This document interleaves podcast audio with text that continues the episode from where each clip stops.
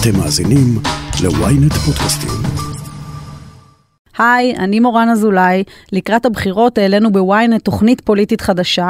בכל שבוע שיחה עם פוליטיקאי אחר על מאחורי הקלעים של הפוליטיקה ומה מניע את הנבחרים. והפעם, יושבת ראש מפלגת העבודה, מרב מיכאלי. מרב, כן, כן, אני בדיוק באה, אני בדיוק באה. מה, אנחנו נלך ביחד הש- השאלה היא, למה איחרת? זאת השאלה. אה, אני אומר את? האמת, לא. כי הלכתי למדוד בגדים, כי ליאת אשורי הביאה לי מלא מלא מלא מלא מלא בגדים, שכבר המון המון המון זמן לא היה לי זמן לרכוש בגדים חדשים. לפה? כן. המאבטח כאן שם בחוץ. ו... ומדדנו, ומדדנו, פשוט הביאה מלא דברים, אז כאילו, היא כל הזמן אמרה, רגע, רק את זה, רגע, רק את זה, רגע, רק את זה. וגל אומרת, לא, לא יישאר לי ראש, לא יהיה לי ראש, מורן תוריד לי אותו. צודקת. זה שלך. זה שלי. זה, ככה זה היה. זאת האמת הערומה. את רוצה לשדר לא את זה? ציפיתי לכזאת... אחת על אחד, עם מורן אזולאי.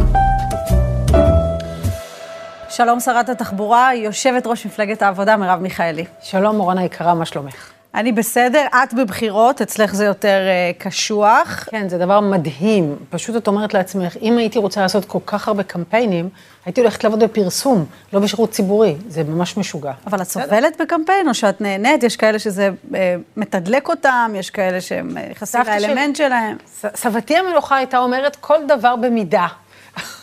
אין פה. מידה. הבנתי.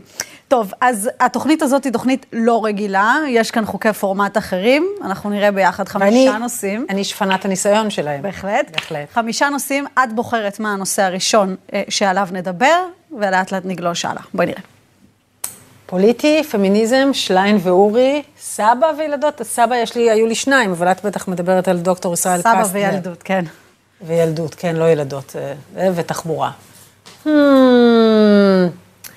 וואו. את יודעת, אחת הבעיות בעבודה הזו, שצריך לקבל המון המון החלטות, כל הזמן לקבל החלטות. אוקיי, בואי נתחיל מסבא וילדות, וילדות. אוקיי? אז בואו בוא, סבא וילדות. בוא נדבר אה, קודם ישר כל- נצלול, ישר אוקיי? נצלול. בואו נדבר על הילדות בפתח תקווה. אה, לדעתי, הכי רחוק מהדמות התל אביבית שאת היום, לא? וואו, זה, אני ממש לא חווה את זה ככה. אני לא מרגישה שעברתי איזה מהפך או משהו כזה. זה, את יודעת, אני כל הזמן הייתי אני. אה, ילדות בפתח תקווה. קודם כל, ילדות של שנות ה-70 של ישראל מאוד מאוד מאוד אחרת. משחקים, גומי, חבל, כדור. גם ריקודי בלט. כן, בוודאי. שש שנים של בלט הכי הארדקור. אבל מהבלט סבלת? לא סבלתי, הלכתי לשם, רציתי, אף אחד לא הכריחה אותי. את שואפת להיות הפרימה בלרינה הזאת. אני חושבת שגם חלק מהיציבה שלי, שהיא גם מהפילאטיס, אבל היא גם בטח מהבלט, זה נשאר מאז. זה נשאר, אבל בפסנתר, בפסנתר הייתי מאוד מאוד טובה. אני לא יודעת אם היה לי, את יודעת, אבל שם חבל שהפסקתי לנגן. הבלט, על הפסנתר זה חבל.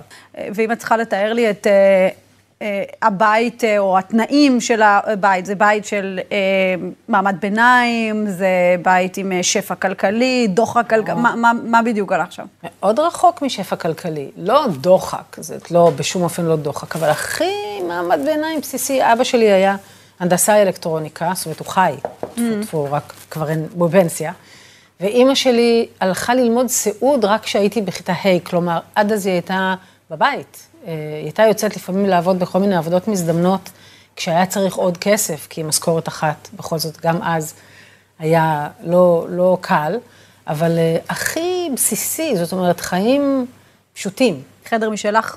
לא, מה פתאום. עד, אה, וואו, עד כיתה י' או משהו, אני לא יודעת, עד גיל ממש מאוחר. הייתי אה, בצופים. הייתי כבר אז, לא נעים להגיד, ילדה של ערכים. שמעתי ששם גם. נתקלת בהבדלי מעמדות בפעם הראשונה, קראתי איפשהו שאמרת את זה. כשהלכתי להדריך ב- בשכונה פחות טובה בפתח תקווה, הייתי בשבט פיתוח שלנו. אז את רואה את ההבניה. זה לא שלא הייתה לי אה, אה, מודעות למעמדות כבר בגיל מאוד צעיר, וצריך להגיד דווקא בגלל אימא שלי, שהיא דווקא לימדה אותי מגיל אפס להגיד שלום לכל אחד ואחת. אין דבר כזה אנשים שהם משרתים או עובדים או... לא, הם בני בנות אדם, את אומרת להם שלום פשוט כי הם אנשים. הזכרת את אימא שלך, בואי נראה רגע קטע ביחד. קודם כל אה, ברכות לביתך. והיא תעשה דברים גדולים. מה לדעתך? יש לה יכולות ענקיות. נראה, בינתיים עוד אין לה מספיק כוח, אבל שיהיה יותר כוח, היא תחבר. היא תתחבר לחרדים ולערבים ולכל לכל האנשים במדינה הזאת. היא תעשה חיבורים על מנת שלא יהיו כאלה, תהיה כזו קוטביות. זה לדעתי השלב הראשון. מזה מתחילות. חותמת על זה? איזו שאלה, ברור. בסוף יש בני בנות אדם שכולם מגיע להם שוויון הזדמנויות. וכולן וכולם צריכות להבין שיש לנו מה להרוויח מלעבוד בשביל הטוב המשותף. כי אם אנחנו עובדות ועובדים בשביל הטוב של כולם, אז יהיה הרבה יותר טוב. כשאנחנו עובדות על המשחק סכום אפס הזה, שזה או-או, אז כולן מפסידות. אוקיי, okay, מערכת היחסים עם אמא היא מערכת יחסים קרובה, את מתייעצת איתה, זה מה, זה ברמה של פעם ביום, איך זה עובד? זה ברמה שקודם כל עכשיו בתקופת הבחירות, היא מסמסת לי בטירוף, כי היא יושבת, את יודעת, והיא רואה את כל, היא שומעת את כל המתקפות, והיא זה, והיא כאילו אומרת לי, קודם כל אומרת לי, זה נכון, זה נכון, היא באמת, נורא נורא אכפת לה. היא גרה מאוד קרוב אליי, היא באה לראות את אורי שלוש, בטח ארבע פעמים בשבוע, אז כן, זה כזה. אז משפחה מגובשת וקשר אה, הדוק יש ביניכם. אבל אני רוצה לשאול אותך בכל זאת אה, על סבא, ישראל קסטנר. מתי את מבינה שיש אה, מטען עלייך כשאת בעצם הנכדה? כי בחוץ, בבית, זה בטח, אה, את יודעת, קו אחיד וכולם אה, ככה מכירים את הסיפור כפי שאת מכירה אותו, ובחוץ זה לפעמים שנוי במחלוקת. ישראל קסטנר היה ציוני בבודפסט בזמן השואה. היה חלק מוועדה שקראו לה ועדת העזרה וההצלה, שמצאו את עצמם, שאייכמן פונה אליהם בהצעה למשא ומתן עם בעלות הברית mm. דרכם, ו... ראש הוועדה נוסע להציע את ההצעה הזאת, והוא נשאר ממונה על המשא ומתן, הוא מצליח להציל רכבת של 1,684 יהודיות ויהודים, אחר כך עוד לפחות 18,000 שעברו למחנה ש... עבודה שניצלו דרכו, והמחקר מדבר, זאת אומרת, יד ושם מכיר בהצלה של לפחות 20,000, mm-hmm. המחקר מדבר על הרבה הרבה יותר, בסדרי גודל של 100,000 ומעלה. אבל גם שני פסקי דין שמדברים עליו, האחד שאומר, בעצם שאומר... קסטנר מכר את נפשו לשטן, והשני אומר, כך... קסטנר תשפוט ההיסטוריה. לא, הוא לא אומר, הוא מבטל, לא, לא, לא, לא, סליחה. הערעור בבית המשפט העליון הופך את פסק הדין נכון. של הלוי. הוא אומר, לא שיתף פעולה, לא היה ולא נברא. זה לא עניין לבית המשפט. לא, הוא אומר לא שיתף פעולה, הוא אומר זה לא נכון. הוא גם אומר, תשפוט ההיסטוריה כי זה קרוב יחסית לשואה. עוד מסך הברזל לא נפל. אין מחקר היסטורי כמעט, לא יודעות ויודעים אה, הרבה מאוד דברים. אבל בפירוש אומר לא שיתף פעולה, הוא אומר זה לא נכון, הפסק הדין הזה לא נכון. אז מגיל אפס, אה, לא מדברות על זה, אבל המשפחה, שהיא משפחה של ניצולות וניצולי שואה, אה, שאין לה שום כוח בציבוריות הישראלית, מתכנסת אצלנו בבית לדבר על איך להוציא את האמת לאור. ולכן אני, אני עד, אה, מודעת למפגשים האלה ולדבר הזה. ומגיל אפס אימא שלי אומרת, תדעי שעלולים להגיד דברים רעים על סבא שלך, ותדעי שזה לא נכון, שהוא הציל המון המון יהודיות ויהודים. היא אז אמרה יהודים ולא יהודיות ויהודים. אבל מה, מה זה הפתק הזה? את רוצה לראות אותו? של... אה, את מכירה אותו? זה אימא של קסטנר כן. כתבה לשופט הלוי. הוא עשה מעשה מדיני, זה הדבר אה, המדהים ביותר. שאפשר להבין מהסיפור הזה. את הסיפור של הרצח אה, סיפרו לך? אה, לא, אז ודאי, זה שמעתי המון פעמים, את ה, איך באו מתחת לבית ושאלו את ישראל קסטנר, והוא אמר כן, ואז הוא הוציא אקדח וירה בו, האקדח לא פעל, ואז קסטנר ברח לתוך הבית והוא ירה בו בגב. שלוש יריות, זה גם סמלי אגב. אה, משום שזה סמלי במובן הזה שההסתה נגד קסטנר כל הדפוס הזה של שנה, שנה וחצי, כל ההסתה בזמן המשפט ואחריה, שהובילה לרצח, הייתה, הדפוס הוא מאוד מאוד דומה למה שקרה ברצח רבין. אגב, את קוראת לו קסטנר, לא סבא. כי את יודעת, הוא היה, אימא שלי הייתה בת 11 כשהוא, כשהוא נרצח. אז עוד לא חווית את ה... לא חוויתי אותו כסבא. את סבתא שלי, אשתו, אה, היא הייתה אהבת חיי. אגב, את מספרת פה סיפור, אני אימא לילדה, ואני שומעת את הסיפור שאימא שלך מעבירה לך מטען מאוד מאוד כבד. אני אשאל אותך שאלה אם את לא רוצה, אל תעני עליה. באיזשהו שלב גם איש מקצוע נכנס לתמונה? פסיכולוג אולי? אה. מישהו שעוזר לך לעכל את כל האירוע? לא, זה לא היה, תראי, זה לא משהו שקרה הרי. אילו הוא היה נרצח, את יודעת, אז את צריכה... אבל זה דבר לא. שמלווה, לא. לא, זה לא היה ברמה אוקיי. הזאת. אני כמובן, את יודעת, בואי, ממליצה על טיפול פסיכולוגי לכל אחת ואחד מטפלת בכדור. פסיכולוגית? בוודאי זו שאלה. מה, את חושבת שאפשר לעבור את הפוליטיקה ולהישאר בריאה בנפשך בלי אה, להיות מטופלת כראוי? זאת אומרת, זאת אומרת, גם היום, פעם בשבוע, פעם, פעם פעם ב... בשבועיים, כן, כמה ש... טיפול פסיכולוגי משחררת. כן, ז- מתאפסת על המציאות. עוזרת לעצמך אה, להיזכר אה, איך להתמודד עם הדברים בצורה הטובה ביותר, לא ליפול לבלבולים, ו, ובאמת הזירה הזאת היא קשה ביותר, את יודעת כמה זה אינטנסיבי, כמה התקפות את חוטפת כל הזמן. אז כן, בשביל אה, לעזור לי, לעצמי לשמור על עמוד השדרה שלי, ודאי. זה כמו מסאז'. מסכימה. בואו נעבור לנושא הבא, את בוחרת. אז היה לנו אה, סבא וילדות. שוב אני צריכה לבחור. קדימה, עכשיו טוב. טוב, אז כבר הגענו לפוליטי, אז בואי נלך לפוליטי. אז בואי אה, נדבר על הפוליטי. אה, את כנראה מתמודדת עכשיו, לדעתי, עם אחת התופעות המוכרות ביותר אה, בפוליטיקה הישראלית, מה שמאוד מאוד מנצנץ בסיבוב הראשון שלו, מנצנץ הרבה פחות בסיבוב השני. אני קוראת לזה סינדרום התקליט השני. אוקיי. בסדר, את, אני אגיד לך. את יודעת שאני נכנסתי לממשלת השינוי, לא בדילוגים. היה ברור לי שזאת תהיה ממשלה שאנחנו לא נוכל ל... להשפיע בה כמו שהייתי רוצה להשפיע בה. היא לא.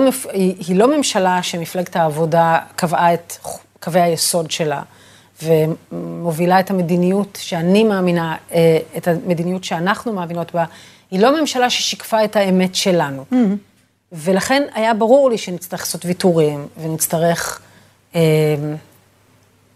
לשלם מחירים. מה היית משנה בהתנהלות הפוליטית? רגע, אבל, רגע, וזה אבל, אבל חלק מהאמת שלי הייתה שחייבות להפסיק את שלטון נתניהו ההרסני והמשחית. ולכן הייתה חובה עליי להיכנס לממשלה הזאת ולהיות חלק ממנה, ואני עשיתי את כל המאמצים והייתי באמת בורג של יציבות בתוך המערכת הזאת, אני וסיעת העבודה המדהימה. אה, ולכן, זה לא מפתיע אותי שאנחנו היום צריכות, אה, את יודעת, להתחיל ממקום לא פשוט בשביל לטפס דווקא מאוד. מפתיע, כי, כי את יודעת, יש איזושהי אה, סברה שאומרת שאם החלפתם את נתניהו, דבר שהמחנה שלך כל כך רצה, אז עכשיו צריכים לגמול לך על זה. במיוחד כש- כשהיית אה, איש של יציבות בתוך הממשלה הזו שהחליפה אותו, אבל זה עובד הפוך.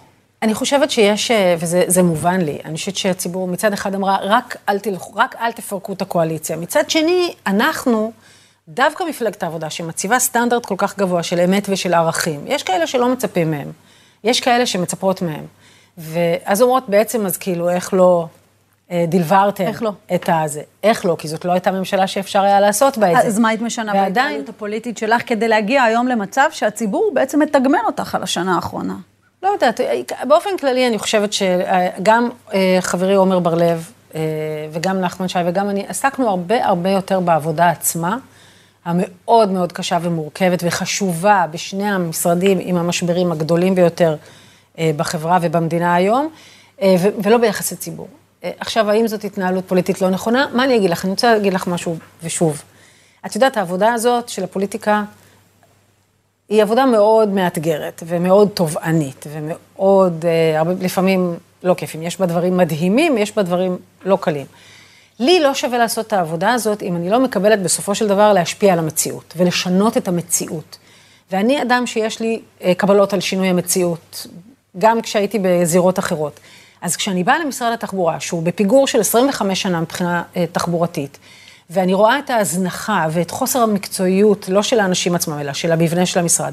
אז אני מצטערת, לא שווה לי להיות בעבודה הזאת אם אני לא מביאה תועלת אמיתית ומצליחה לייצר אוקיי. מהפכה, וזה לדבר בתחבורה, אני מבינה, נכון, בסדר. אחוז. יש לנו עוד, אה, אז לכן אני רק רוצה להגיד לך, אני לא יודעת מה הייתי מתנהלת פוליטית אחרת. בסוף את מקבלת את ההחלטות שלך בזמן אמת. ובזמן אמת, אני באמת עושה את מה שאני מאמינה בו, ואני באמת הולכת עם האמת שלי. תכף נדבר על הקדנציה ועכשיו יש לי האחרונה. זמן לקמפיין, בשביל לדבר חזרה עם הציבור שלי, שלנו, ולהגיד להם, בואו, חברות, חברים, אז אני רוצות אמת להתעכב- וערכים, אני רוצה רגע להתעכב על אנחנו האנשים הזאת. שלכם. את בעצם עומדת היום בראשות מה, מפלגת מרכז, מפלגת שמאל, מה, מה המפלגה שאת עומדת בראש? מפלגת העבודה היא מפלגת מרכז-שמאל, תמיד הייתה כזאת. תמיד הייתה, רבין, אוקיי? הוא לא היה איש שמאל מובהק, הוא היה איש מרכז-שמאל. נראה כאילו הוא היה מפחדת קצת. מהמילה הזאת, שמאל, בשנים האחרונות. נו, די, בואי, זה כל לא? כך משעמם, הדבר הזה, סליחה שאני אומרת, זה לא את, זה הדיון. אה, ת- כן, שמאל, לא שמאל. יש סקאלה. בסקאלה הזאת, מה שתמיד היה, זה שהייתה מפלגה שהיא יותר מרכזית, שיש בה מנעד יותר רחב של דעות, ומפלגה לשמאלה, וזה בסדר גמור. והיום, מפלגת העבודה עדיין מחזיקה את המקום הזה. ומרץ זה לשמאלה. שיש, ומרץ לשמאלי, חד משמעית, מפלגת העבודה היא מפלגה ציונית, באופן מובהק. מפלגה ביטחוניסטית, וזו לא שאלה של כמה גנרלים יש לה, אלא ויתרת? תפיסת העולם שלה. כן, ויתרת על הנושא הפלסטיני למשל? ממש לא ויתרתי שיחות על הכיבוש. אי אפשר, אה, מה אני? שאיפה למדינה פלסטינית. לא, לי אין שאיפה למדינה פלסטינית. בואי נבהיר את זה היטב. לי יש שאיפה למדינת ישראל.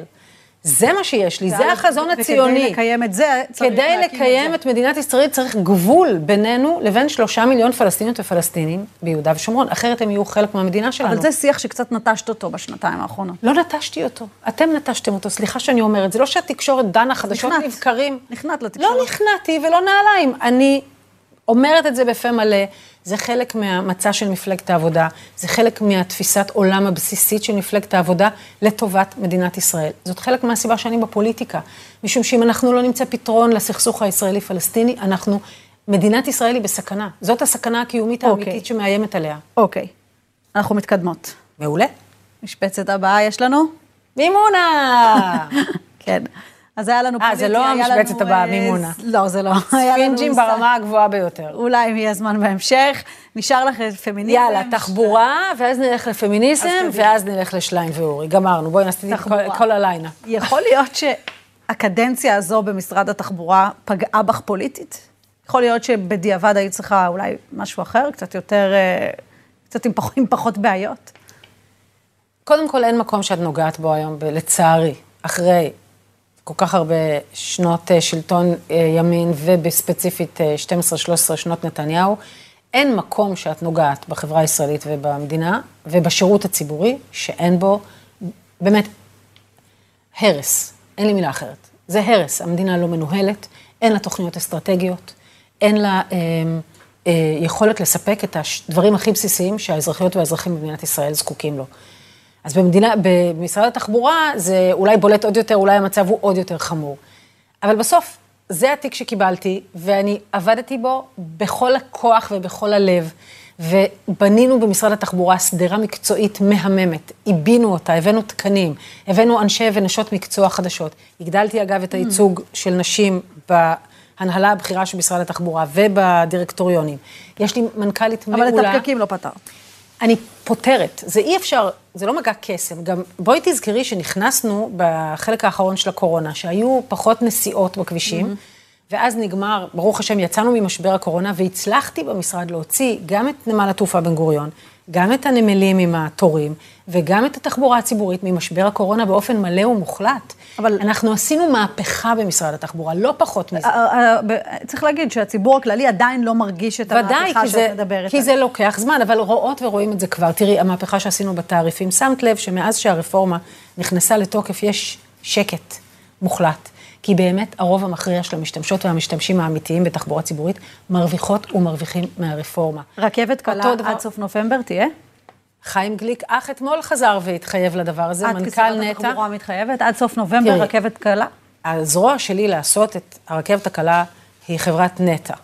המנכ"ל שלה, חיים גליק, אומר באמת, הוא, ו, ויגיד לך כל אחד ואחת, הוא משקיע את כל חייו בתוך הדבר הזה. הוא אומר, זה יתחיל לפעול עד סוף נובמבר. האינטרס שלי זה להאמין לו, לחזק אותו ולקוות שזה אכן יקרה. ותוודאי את זה גם? אני, אנחנו עובדות מולם כל הזמן. אני, את, יודע, את יודעת, אנחנו כאן. יכול, את, אני רוצה לדבר על עוד משהו, את מה ש... האשמת לאחרונה לא מעט את נתניהו סביב המטרו, על זה שהם מסרבים לאשר, גם אה, צריך להגיד בקואליציה שאת חלק ממנה לא יצאו מגדרם כדי uh, לעזור לך uh, לקדם את זה.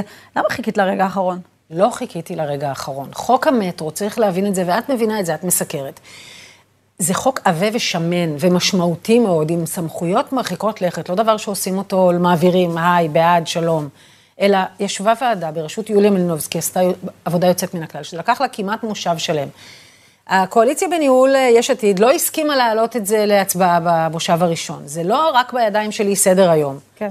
אלא הם לא הסכימו להעלות, הם הבטיחו שהם יעלו את זה מיד בתחילת המושב השני. בתחילת המושב השני כבר לא היה לנו רוב.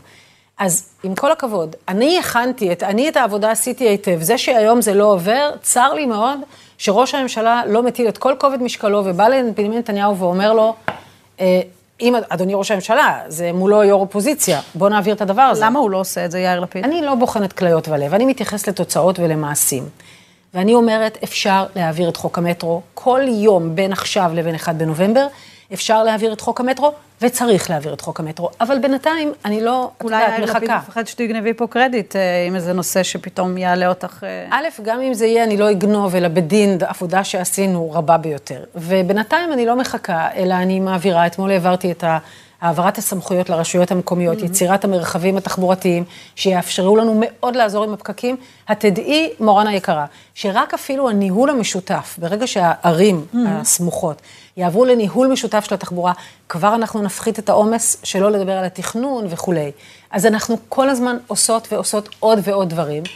והם ממש, חלק מהם כבר מורגשים, אנשים רואים שבילי אופניים שהם מקבלים, עיריות שחתמנו איתם על הסכמים, כבישים שאנחנו מקדימות אותם בשנה, בשנה וחצי, בשנתיים. למרות שיש כאן גם עבודה של אה, שרים אה, לפנייך, נכון, אבל בשנה הזאת. אנחנו חילצנו, גם עבודה של שרות ושרים שהיו לפניי, הרבה מאוד מהם היו תקועות.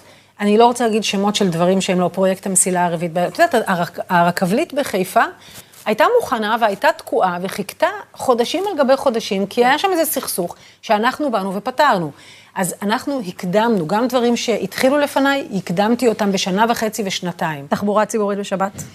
אני על זה, אני על זה בכל הכוח, אני עשיתי עבודת מטה במשך כל השנה הזאת. רגע, עם יד על הלב, אפשר להעביר תחבורה ציבורית בשבת במדינת ישראל בהרכב הפוליטי הנוכחי של הכנסת, שאנחנו מכירים פחות או יותר את המנדטים חלק- של הסיעות החרדיות. יש דברים שצריך בשבילם שינוי, קודם כל אומר זאת כך, יש רוב בציבור הישראלי שרוצה ורוצה וצריך וצריכה תחבורה ציבורית בשבת, מעל 70 אחוז. יש רוב בממשלה הזאת שתומכת בתחבורה ציבורית בשבת. שמעתי את גדעון סער תומך בתחבורה ציבורית בשבת. יש גם גפני, יש דרעי, יש... הם לא בממשלה הזאת. ולכן הממשלה הזאת צריכה להשתמש בחלון ההזדמנויות ההיסטורי שיש לה, ולהעביר לא תחבורה ציבורית בשבת. אז היה צריכה לשאול לא אותי. אני מקדמת את זה בכל הכוח. ואני ממשיכה לקדם את זה עד הרגע האחרון. חזרה ללוח. חזרה ללוח, אז אמרנו פמיניזם. ונשמור את uh, הממתקים לסוף. טוב, בואי נדבר על uh, עד כמה קשה uh, להיות אישה בפוליטיקה הישראלית. שלא לדבר על חברת קבינט, חברת ממשלה, פורום ראשי מפלגות, היית שם אישה יחידה יושבת בנושאים מאוד כבדים על הפרק. לא, פשוט אישה יחידה. השאלה היא לא נושאים. את יודעת, זה שאת אישה לא גורם לך להיות יכולה להתמודד עם נושאים כבדים פחות טוב מאף אחד אחר, זה מובן מאליו. נכון, אבל איך זה מתקבל בפורום? אז אני רוצה להגיד ככה, דווקא הקבינט, בגלל שהייתי כל כך הרבה שנים חברת ועדת חוץ וביטחון וועדות המשנה, ובאמת הצמרת של הביטחונית במדינת ישראל מכירה אותי, מכירה את יכולותיי בתחום הזה, מכירה את הידיעות שלי ואת הזה, לא הייתה לי שום בעיה בקבינט, אה, לא בתחושה ולא בזה. שקשור לפצצה איראנית, ואת רוצה לשאול שאלה, או לסתור איזושהי עמדה שנשמעת, את מרגישה נוח לעשות את זה? חד משמעית, מה השאלה בכלל? מה זה קשור לפצצה האיראנית? יש לי... המבטים, אה, לא, מס- הוא שאמרתי לך, דווקא בגלל השנים המאוד ארוכות שאני משקיעה, השקעתי בוועדת החוץ והביטחון, אז את- באמת, המיליה הזה מכיר אותי היטב. אבל אין לך דרגות איתם בכירות, לא בגובה היית. רמטכ"ל, לא היית סגן הרמטכ"ל, זה לא חשוב? זה ממש לא חשוב, אני מביאה, אי אפשר שרק אלה שהם נמצאים בתוך המערכת הביטחונית יתעסקו בנושאים האלה. אני מסכימה איתך, פה אנחנו מסכימות, השאלה זה- איך זה זה מתקבל מאוד- בחדרים הסגורים. זה מתקבל היטב, כי כשאת יודעת מה את מדברת, ואת באה מגובה מנתונים ובידיעות, ואת, אה, יש לך אה, תפיסת עולם ברורה, ואת מדברת איתם בגובה העיניים, אין שום בעיה. יצא פעם אבל... שהרגשת כאישה חוסר נוחות בכנסת באיזושהי סיטואציה בגלל שאת אישה? אה, אני רגע רוצה לענות לך על זה כששאלת על אישה בפוליטיקה. אז אני רוצה להגיד שיש יש סוגים שונים של להיות בפוליטיקה. כחברת כנסת, אה, בסך הכל הרגשתי רוב הזמן, ברמה האישית, מאוד נוח. נכון שאת כל הזמן מודעת לאפליות המובנות במערכת, על כל הרצף שלה, לא רק בפוליטיקה, אלא בעולם, אבל ברמה האישית באמת הייתי זה. כשאת יושבת אישה יחידה בין 11 גברים, שבעה ראשי מפלגות, מזכיר הממשלה, מזכירו של מזכיר הממשלה, השר המקשר וראש המטה, כל יום ראשון בבוקר. וזה לא שאלה של הנושאים שעולים, אלא הפערים. כשאת אישה יחידה בחדר של רק גברים, אי אפשר שזה לא יהיה דבר. כי תפיסת, נקודות המבט על העולם, חוויות החיים, השפה, הכל, הפער מתחדד בצורה מאוד מאוד בולטת. ושם את מבינה עד כמה זה חשוב שאנחנו נהיה מיוצגות. ואז יש כי כשאנחנו לא שם... בפורום הזה, לפעמים את מסתכלת סביבך, את אומרת, היה, היה לי יותר נוח אם הייתה פה עוד אישה אחת, אולי שתיים. איזה שאלה, זה תמיד נכון, זה תמיד נכון שאת את, את לא לבד. בתוך, אגב, במיליה של הממשלה, שזאת הממשלה הראשונה שהיו בה שליש אה, מהשרים שרות, mm-hmm. היה בינינו כל כך הרבה, א', שיתופי פעולה, יכולת לראות כמה שיתופי פעולה יש בין שרות בממשלה הזאת, וב', אה, ודאי שזה עושה הבדל מאוד משמעותי. אז למה אין מועמדות אבל... לראשות ממשלה שהן נשים? הייתה לנו ציפי לבני. אוקיי. ואל, אל תגידי, הייתה לנו מועמדת ציפי לבני ב-2009, הגיעה מאוד קרוב. אה, אני רוצה רגע לחזור ולהגיד, שאת אומרת אי נוחות, זה לא אי נוחות בגלל שאת אישה, זה לא שאומרת, את לא אומרת לעצמך, אוי, אני אישה, זה לא נוח לי בסיטואציה הזאת. אלא באמת, יש, ההבדל הוא שיש מלא מלא דברים שמבחינתי הם נורא נורא חשובים, ומבחינתם הם לא רואים אותם. אבל יש איזושהי הערה שוביניסטית שאת נתקלת בה בכל שנותייך בכנסת, איזושהי התנהגות שהיא אולי לא הולמת. ש... לא, לא, לא, זה לא ברמה הזאת. זה לא, זה קל ללכת לשם. את מבינה, מורן? זה קל ללכת למקומות האלה, כי אז את יכולה לצקצק ולהגיד... לא, כי דברים קורים. כן, אבל א', כמעט, זה כמעט ולא קרה לי, וגם אם כן, זה כאילו לא חשוב, זה לא הדבר החשוב. מה, את מדפדפת את זה אם זה קורה? כן, כי זה כאילו אנשים שאת אומרת, צר לי עליכם, תתקדמו, תחזרו, נדבר. אבל אה, המשמעותי זה הדברים עצמם, זה שהנושאים, זה שאין לנו עדיין חינוך חינם מגיל 0 עד 3, שעדיין אין לנו חופשת לידה שוויונית, שעדיין אין ביטחון קיו, אה, פיזי, קיומי לא, מספיק לנשים. אבל עדיין יש גם חשיבות לאישה שתרגיש אה, נוח, אה, אני לא יודעת, בכל מיני סיטואציות, בלי שישמעו הערות שוביניסטיות אה, לא, ועוד לא כל מיני דברים. לא נשמעות הערות שוביניסטיות. בגדול, כלפייך לא. אה, בסדר, ודאי. את שואלת, אבל אני אומרת לך, זה לא מספיק אבל. זה תנאי... מאה אחוז. זה תנאי מחייב, אבל הוא לא מספיק. אם אנחנו לא נמצאות שם כדי לקבוע על החיים שלנו, אז זאת הבעיה. אז, אז אני רוצה לקחת את השאלה הזאת ולהגיד, אוקיי, ציפי לבני הייתה, אבל מאז מה? אני שואלת את עצמי, האם זה הציבור שלא בשל, או שאתן לא בשלות? אמ, זאת שאלה מאוד טובה. אני, תראי, מלכתחילה, ברור שברגע שיש כל כך פחות נשים, אז, ואת פחות מטפסות למעלה, פחות מגיעות. את בשלה לזה? אני נבנית לזה. אני הולכת לשם. אני גם היום, בואי, אני עומדת בראש מפלגה שבונה את עצמה מחדש. היא בונה את עצמה מחדש כמפלגה שוויונית, זה חלק מהדבר. חלק ניכר מהייצוג בכנסת, מהעלייה בייצוג בכנסת, זה בזכות מספר אנשים שמפלגת העבודה הכניסה. ואני אה, לוקחת אחריות, זה הדבר. אני לוקחת אחריות ואני לוקחת אותה בפירוש גם כאישה, שהאמת שלה היא חתירה לשוויון, שוויון מגדרי, שוויון לאזרחיות ואזרחים, שוויון כלכלי-חברתי. זה דבר נורא נורא משמעותי, שאת רואה שנשים מביאות הרבה יותר מאשר גברים רואים. אוקיי. Okay. אין, אה, אין לך מה לבחור יותר, נשארנו עם המשבצת למה לא מהבהב שליין ואורי לבד? שמרת אותם אפשר, לסוף. אם אפשר, בבקשה, פעם הבאה שיהבהב הנושא האחרון שנשאר לסוף. אנחנו נעבוד על זה טכנולוגית, זה עדיין קצת מורכב. תגידי, כמה שעות אורי יש לך ביום? אה, אני מבלה איתו בבוקר, לפני שאני הולכת. אה, זה, מישהי שאלה אותי באיזה ראיון כזה של איך את, איך את פותחת את הבוקר שלך עם קפה, עם זה אמרתי לה עם תינוק. אני פותחת את הבוקר שלי עם תינוק. זה מה שאני עושה בבוקר, אני מבלה איתו את הזמן, וזה זמן מאוד מאוד כיף. ואני משתדלת לבוא לפחות שלוש פעמים בשבוע, נגיד, לעשות לו אמבטיה ולהשכיב אותו לישון. שזה אומר איזה שבע בערב בערך. אה, ש... כן, עכשיו שש. זה קצת הוקדם, נגיד. אז שש וחצי, שבע. ושישי שבת אני טוחנת שעות, ממש. יש לך נקיפות מצפון לפעמים? לא. לא נעים להגיד, אסור להגיד לא, נכון? אני אגיד למה. כי ידעתי מראש ידעתי את זה מראש, נערכתי לזה, הייתי לגמרי לגמרי אה, בנויה לזה. ידעתי שאני היום בתוך מרוץ מטורף, ושהוא מצטרף לתוך הדבר הזה, כמו שליאור אמר, עליי, וזה עליו, ואני, זה חשוב לי כי הקשר איתו, כי, הוא, כי אני חייבת להיות בקשר קרוב איתו. אז חשוב לי, אני, הזמן הזה הוא בגלל שאני רוצה אותו, לא בגלל שאני צריכה או חייבת. אז אם יש יום עמוס הזה. ואת לא מספיקה לחזור למקלחת, או שאת אה, צריכה לצאת מוקדם לפגישה חשובה בבוקר, את אומרת, אוקיי, נחפה על זה מחר, אין לי נקיפות מצפון. כמעט ולא, זה, אגב, זה לא ממחלקת הנקיפות מצפון, זה אולי ממחלקת ההחמצה, שבאסה לי שלא הספקתי לראות אותו, כמו שאת, באסה לך שלא הספקת לראות אדם אהוב. תגידי, איך הרגשת שכל מדינת ישראל נכנסה לך לרחם, לתהליך, לחדר הלידה שם, לפונדקאית, תחליטי את למה? קודם כל, מדינת ישראל נכנסת לרחם של כולן.